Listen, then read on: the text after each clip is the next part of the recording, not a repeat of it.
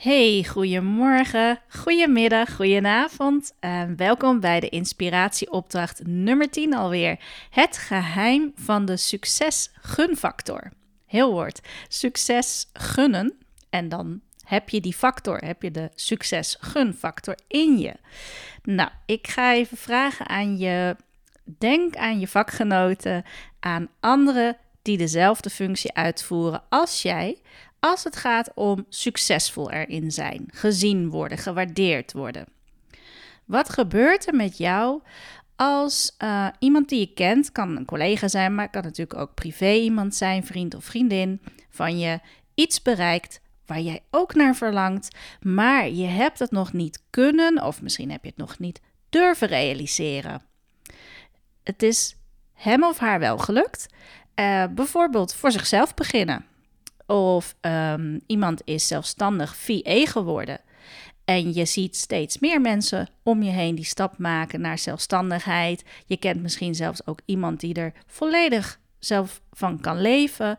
Um, hè, dus die genoeg werk erin heeft dat hij als zelfstandige het prima redt.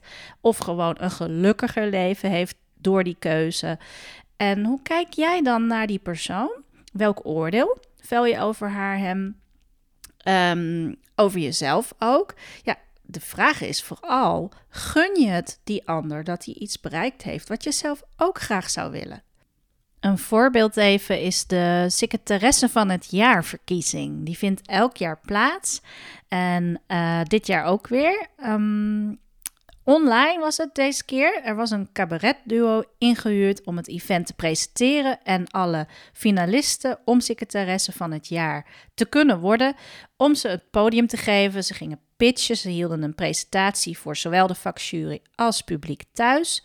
En um, ja, zij hielden die pitch en dat duo vroeg dan een aantal keer ook: zie je nu de andere finalisten, je medefinalisten, je vakgenoten, als concurrent?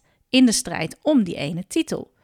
Maar ja, het antwoord daarop was nou, um, ja, we hebben elkaar leren kennen. We zijn vandaag ook, uh, voordat deze avond er was, zijn we de hele dag met elkaar opgetrokken. Hebben we opgetrokken met elkaar. En daardoor zie ik de ander niet meer als concurrent. Dat zeiden ze en ik geloof zeker dat dat op dat moment ook zo ervaren werd. Maar wat ik dan interessant vind is, wat gebeurt er op het moment dat die uitslag komt en dus maar één van hen ook die fel begeerde titel heeft gekregen? Er is er maar één die ja, eigenlijk dan de beste is, terwijl misschien is dat niet per definitie zo, maar de vakjury, publiek thuis, ja, die hebben nu eenmaal gestemd. En hoe gaan ze er dan mee om. Gunnen ze die ene finaliste alle credits, alle lof, alle aandacht, de boost die het haar carrière gaat geven. Zeker als ze er actief mee is ook.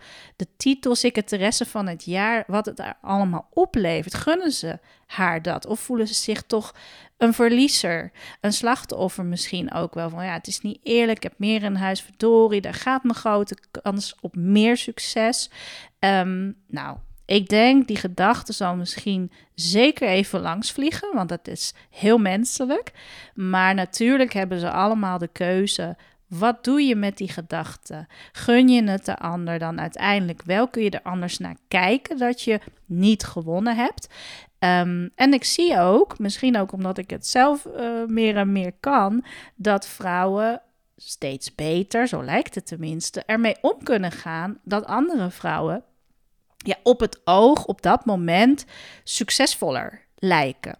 Uh, dat ze, zoals hier, de dag na de overwinning uh, door de secretaresse van het jaar, niet alleen zij posten, maar de anderen ook. En wat ze er allemaal uit hadden gehaald. Dat ze überhaupt uh, het pitchen al voor een groot publiek. Dat was al zo'n overwinning, dat was al zo'n winst. Dus ze voelen zich stuk voor stuk toch winnaar, omdat ze het de ander ook kunnen gunnen, tegelijk zichzelf rijk rekenen.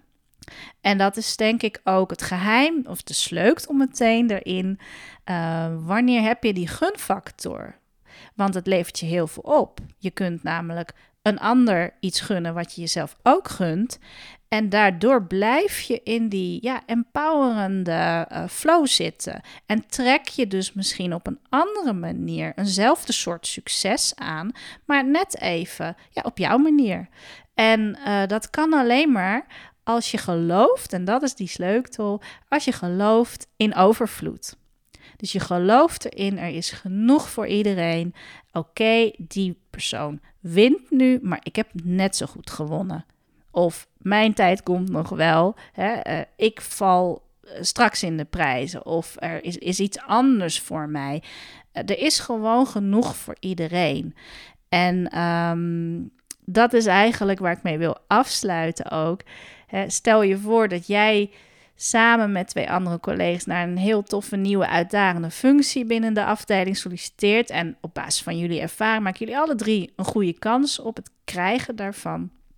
Maar ja, er is er eentje die heeft zichzelf gewoon meer geprofileerd uh, binnen de organisatie dan, dan jij ook. En die wordt het. Nou, het management kiest haar, maar ben jij dan dus de, de, de, de pechhebber?